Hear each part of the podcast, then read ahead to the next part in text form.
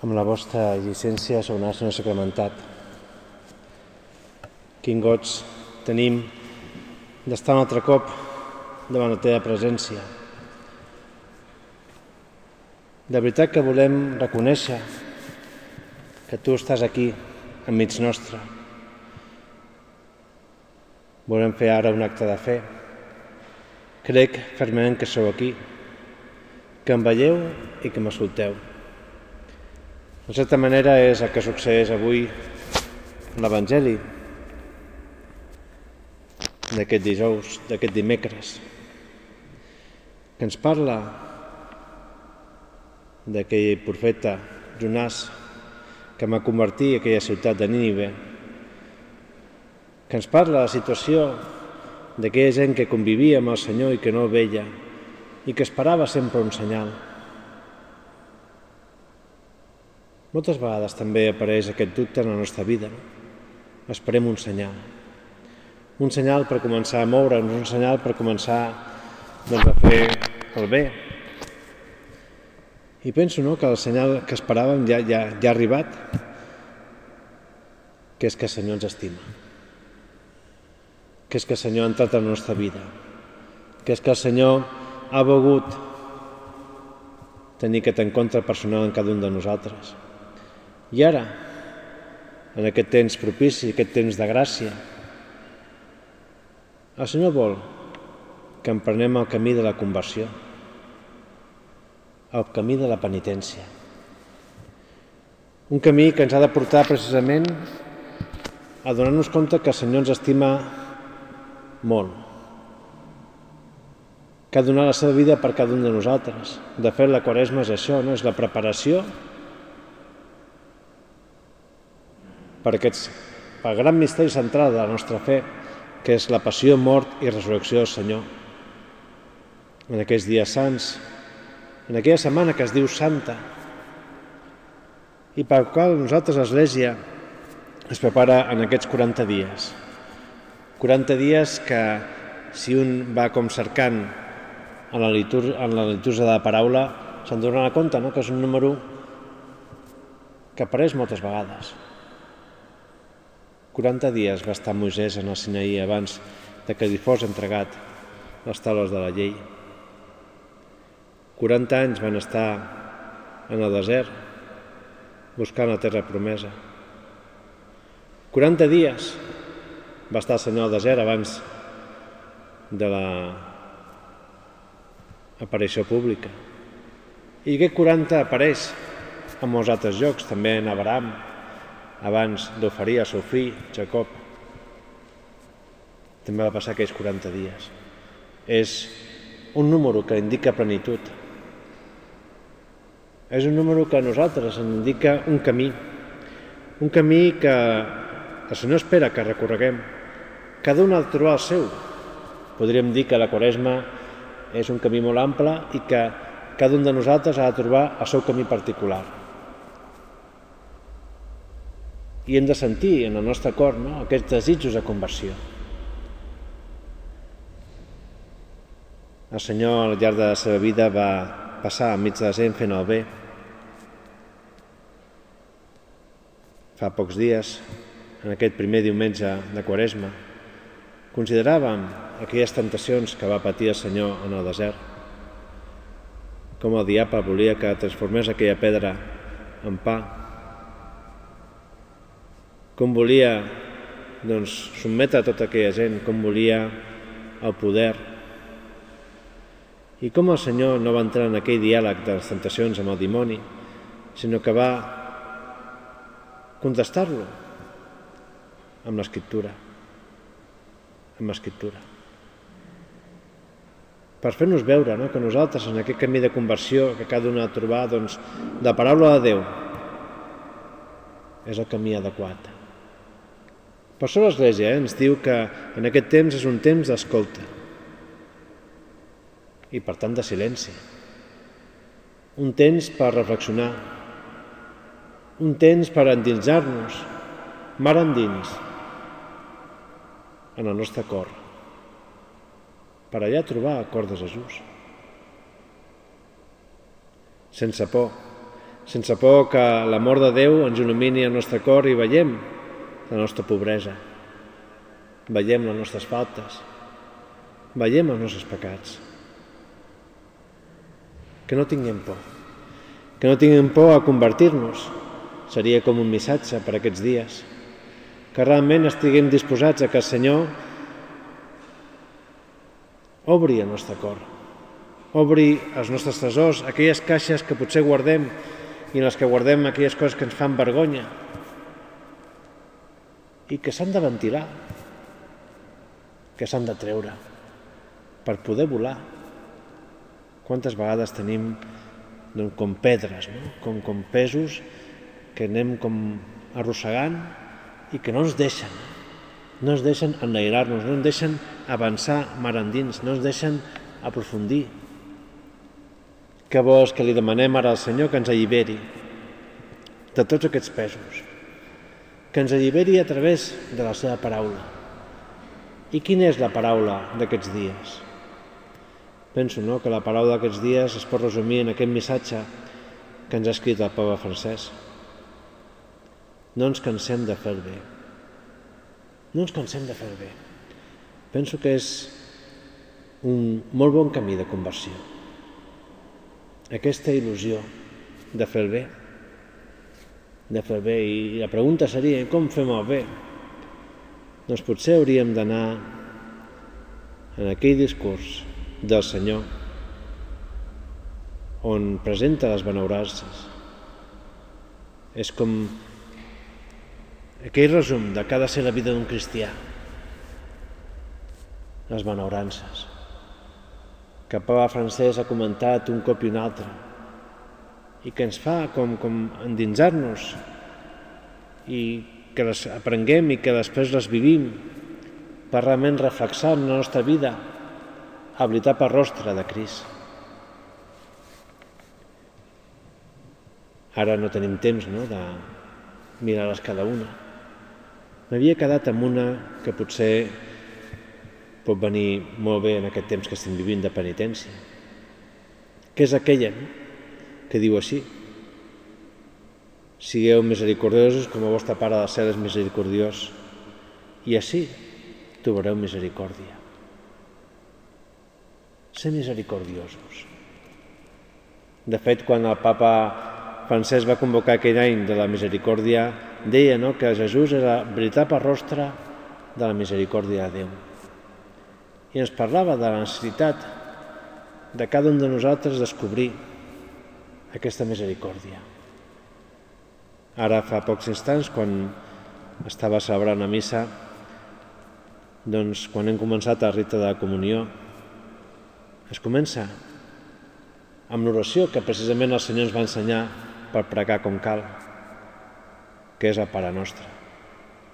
I en ella podem dir no, que es compleix realment aquesta benaurança.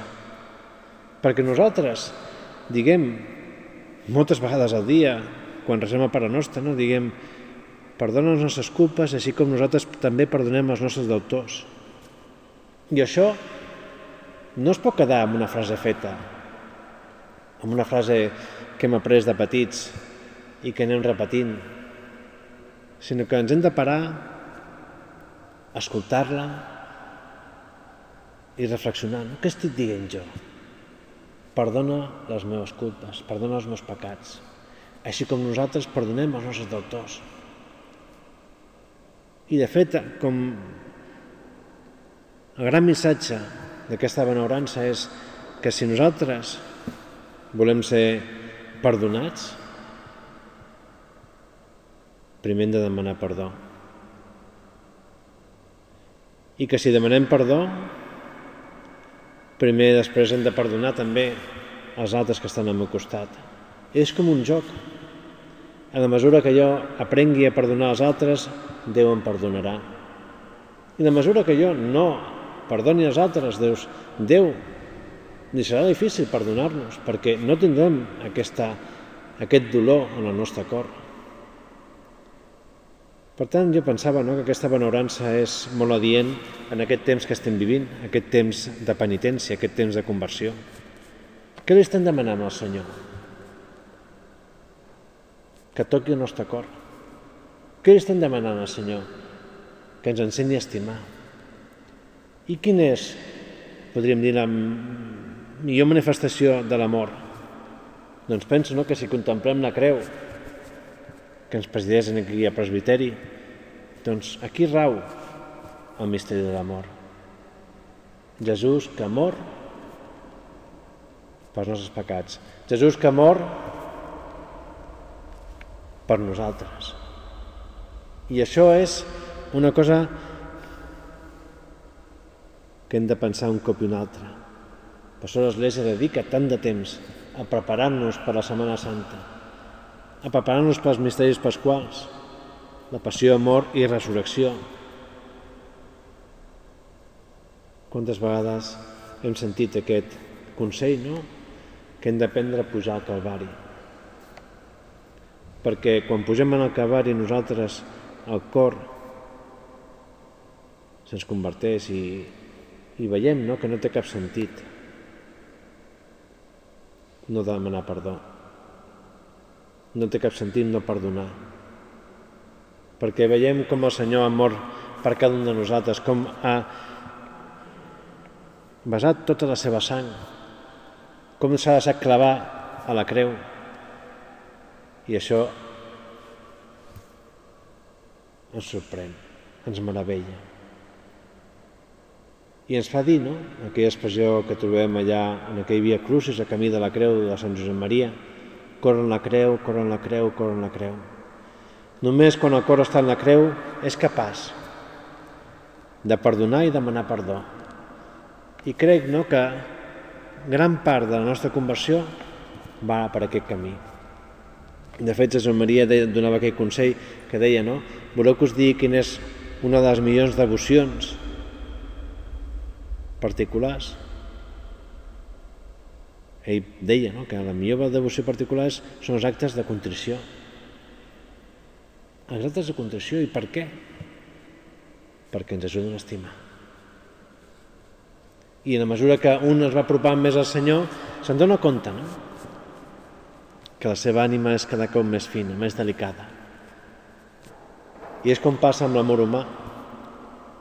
Quan anem a conèixer una persona i l'anem tractant i ens anem com rossant amb ella, ens donem compte aquelles coses que li agrada i aquelles coses que li desagrada. I som capaços d'entreveure no? què és el que li li fa mal i què és el que li fa bé. Doncs el mateix succeeix amb el Senyor. Per això és tan important no avançar en el nostre coneixement de Crist. Per preguntar-se un cop i un altre, no? Què t'agrada a tu, Senyor? Què vols de mi? Què em vols ensenyar? I estic convençut que en aquesta quaresma el Senyor ens obrirà moltes portes i ens ajudarà a ser aquests testimonis de veritat, aquests testimonis de la fe. Avui mateix la mare d'una nena de, que està estudiant en un institut m'explicava no? que la seva filla doncs, en aquest dia del Carnaval on tothom es disfressa, doncs, en el seu col·legi doncs, hi havia tot tipus de disfresses hi havia un noi que estava disfressat de Jesús i anàvem passant tots per un escenari i tothom doncs, feia alguna cosa. No? I aquest noi, quan, quan va passar per l'escenari, doncs, va fer una burla de Jesús. I ella doncs, es va anar com a queixar no? doncs, amb els directors i amb els professors que hi havia allà i la gent li contestar no? que havia de, de respectar els altres. No? És un gran argument aquest, no? Te, et fan mal a tu però tu has de respectar. No? I amb les persones que va parlar, doncs, també va parlar amb la conserge que estava allà, perquè necessitava doncs, transmetre no? tot el, el dolor que sentia d'aquella burla.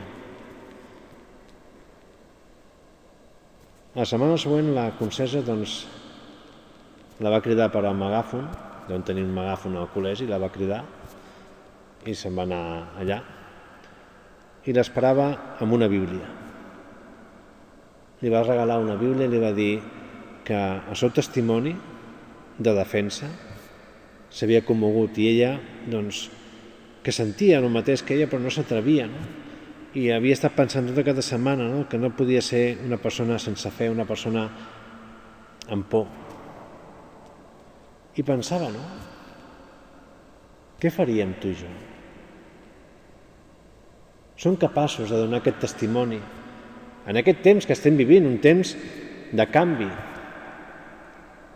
un temps on tot està trontollant, sigui pel Covid, sigui per la guerra, sigui per la situació econòmica. Quin és el meu testimoni de fe? I penso que el gran testimoni de fe que hem de fer cada un de nosaltres és precisament ser aquests sembradors de pau i alegria.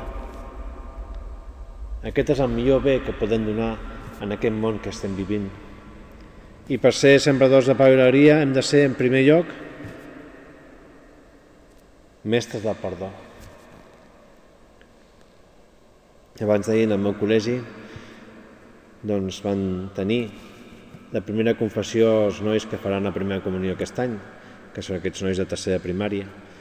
I per fer la primera confessió es va muntar la festa del perdó, que consistia que els nois amb els seus pares anaven a l'oratori a la capella i allà doncs, hi havia uns quants mossens que estaven distribuïts en diferents confessionaris i doncs, el nen doncs, es preparava per a la primera confessió amb un examen de consciència al costat dels seus pares i també es convidava els pares doncs, a que en un examen de consciència diferent doncs, acompanyessin amb el seu fill en la confessió, cada un la seva. Doncs va passar molta gent. I molta gent que va passar amb els pares doncs deia, no? Doncs, doncs no sé què faig exactament aquí, però el meu fill m'ha fet tornar amb el Senyor. I tots es deien, no? feia temps que em volia confessar i, i no, no, no, no trobava el moment, no trobava lloc, no trobava l'ocasió. I és sorprenent com el Senyor utilitza molts camins per venir-nos a buscar. També ara la Quaresma és un bon moment molt bo eh, per, per donar un pas endavant, precisament en aquest sacrament, el sacrament de la penitència, el sacrament de la confessió, que és el sacrament de l'alegria. Tothom busca aquesta pau interior. Tothom busca aquesta pau al món. Doncs aquesta pau al món, aquesta pau interior ve d'aquesta pau en el cor que és un cor perdonat. Un cor, com diria el papa Francesc, misericordiat. Un cor que es deixa tocar per l'amor de Déu. I cada un de nosaltres ho ha de fer, ho ha de saber. Pensa aquella supèrbia de la vida que ens fa dir no? que a vegades nosaltres necessitem perdó, que són els altres que necessiten perdó perquè són uns pecadors i jo no sóc un pecador. Com ens equivoquem? Com ens equivoquem que no passi com aquell publicà i fariseu, no? Un demanava, no ten pietat, i no s'aixecava el cap, i l'altre estava pensant, mira aquell, mira aquell desgraciat, jo no sóc com ell, jo dejuno, jo faig això, jo faig l'altre. Que lluny estava del Senyor. Avui ho llegíem en el Sant Responsorial. No? Un cor penit, Senyor, no el desprecis, no el menyspreis. I com li demanaven, aquest cor ben pur. Com ves, cor ben pur. És molt bonic això. I penso que és un anel que tots tenim en l'ànima. No? Només els de cor pur poden fer el bé, perquè tenen el bé en el seu interior. D'aquí la importància no? d'anar com netejant un cop i un altre la nostra ànima, fent aquests actes de desgreuja, procurant aprofundir en les nostres faltes, la nostra vida, traguent el nostre pecat de la nostra vida, tenir aquest horror al pecat, també el pecat venial. I això farà que veiem la vida amb els ulls de Déu, uns ulls que estan plens d'amor i de compassió, i que comprenen, i que són misericordis i que, per tant, no jutgen els demés, ni sentencien, ni condemnen.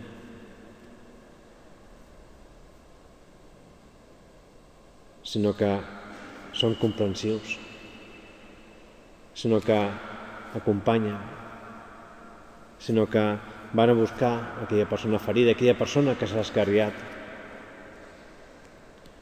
Ara fa pocs dies va haver-hi ordenacions aquí a Barcelona i un dels que va ordenar-se de prevera en el seu recordatori posava la imatge de bon pastor.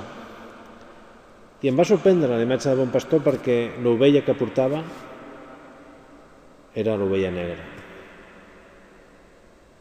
I en un altre mossèn també em va venir i va comentar t'has fixat que és l'ovella negra? No és l'ovella típica blanca, sinó l'ovella negra. I pensava no, que cada un de nosaltres també tenim aquesta ovella negra. I que tant així el Senyor ens ve a buscar. És que nosaltres no siguem aquelles persones, no? que pintem els altres com les ovelles negres. I sentenciem i diguem, aquest fora, descartat, no em relaciono amb ell. Ens al contrari, hem d'obrir-nos, perquè aquest és el cor que Déu ens ofereix, un cor gran, expansiu, un cor on hi cap tothom. I penso que aquesta benaurança ens parla d'això. Valorats els misericòrdios perquè sereu misericordiats i obtindreu misericòrdia. I crec fermament que la neteja dels nostres pecats, la neteja dels nostres pecats, la culpa se'ns perdona, la pena està allà i l'hem de netejar en la nostra vida. Doncs gran part es neteja quan nosaltres perdonem als altres quan nosaltres estimem els altres amb aquesta virtut de la caritat, quan nosaltres som conscients dels necessitats dels altres i no ens cansem de fer el bé, un cop i un altre, i no ens cansem de perdonar. I no volem que ens succeeixi en la nostra vida el que li va passar al fill gran de la paraula del fill pròdig, quan torna aquell jove a demanar perdó al seu pare després de dilapidar tota l'herència. Està compungit, el seu pare el recull, l'abraça, li munta una festa i aquell home gran torna a treballar i veu que hi ha festa a casa seu i pregunta a un dels servents què ha passat, que, que qui ha arribat. És el teu germà i no vol entrar. No vol entrar.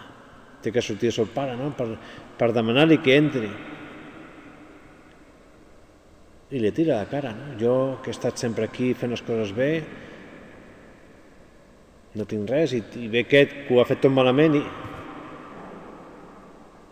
Què pensem en aquest personatge? En l'Evangeli apareixen diverses vegades aquests personatges. Dirà el Senyor aquests sepulcres banquejats, aquells que són els líders o que van de mestres o que es posen davant i que som serps, són els més hipòcrites. Tots tenim una tendència, no?, a vegades, a aquesta doble vida. I per això li demanem al Senyor, no?, doncs no, que sapiguem viure aquesta unitat de vida que és la vida de Crist. Tot jo sóc Crist. I els altres han de veure en mi a Crist. I de fet diu l'Evangeli, no?, que ens reconeixeran a nosaltres perquè ens estimem els uns als altres com Déu ens ha estimat. I això és com un reclam que fa moltes vegades el Papa Francès, que ens estimem els uns als altres. De fet, fa pocs dies, no, l'Evangeli parlava no, de, de, de com el Senyor al final dels temps ens separarà, uns es posarà a la dreta i els altres a l'esquerra i es explicarà, no? quan estava nu em vau vestir, quan estava a presó em vau visitar, quan tenia fam em va donar de menjar, quan tenia set em va donar de beure. Quan va succeir tot això? I el Senyor es deia, no? Tot això que feu amb un d'aquests m'ho feu a mi. Quan perdonem als altres, en certa manera, perdonem al Senyor. I quan no perdonem als altres, no perdonem al Senyor. És bo pensar en això. A vegades que busquem a Déu, Déu està amb els altres. Tot allò que feu a un d'aquests m'ho feu a mi. Per això és tan important, no? Estimar primer el que veus, per després estimar el que veiem amb els ulls de la fe. Si no, hi hauria una incoherència. Una incongruència hi hauria una falsetat. I potser aquí rau la conversió real de cor. Que el nostre cor sigui un cor viu. Viu perquè s'alimenta de coses veritables. Viu perquè està en el camí de la santedat. Viu perquè veu en els altres a Crist. Viu perquè se sent perdonat un cop i un altre. Que tinguem aquesta il·lusió. Anem ja a acabar aquesta meditació. Acudint a la intercessió de Sant Josep. D'aquí pocs dies serà aquesta festa, Sant Josep, el custodi. Sant Josep. Potser a ell li demanar que ens ajudi realment a emprendre aquest camí des de la vida interior, ell que és mestre de la vida interior, que ens ajudi a entendre la paraula de Déu, que ens ajudi a veure els senyals de Déu, ell que va seguir tota la seva vida doncs, molts senyals, no? i va ser aquest pare de Jesús. També és aquest pare nostre. Ell ens portarà de la mà a la mà de Maria i Maria ens portarà els dos a Jesús. Pues que aquests dies de Quaresma ens ajudin de veritat a tenir aquesta conversió, una conversió que ens faci capaços de fer el bé sempre, per tal d'apropar molta gent al Senyor, pel camí del perdó, pel camí de la benaurança de ser misericordiós. I penso no, que la més misericordiosa és la Mare de Déu, que no es cansa no? d'estar al nostre costat i que vol la nostra salvació. I com vol la nostra salvació ens presenta un cop i un altre a Jesús. Perquè des de la humilitat que ell ens concedeix, li sapiguem dir, no, Senyor, perdona, tingues compassió de mi. Pues, mare meva, toca el meu cor perquè sàpiga gaudir de la misericòrdia del Senyor per després ser jo una persona que vagi oferint, donant misericòrdia a totes les persones que em trobo en la meva vida. Thank you.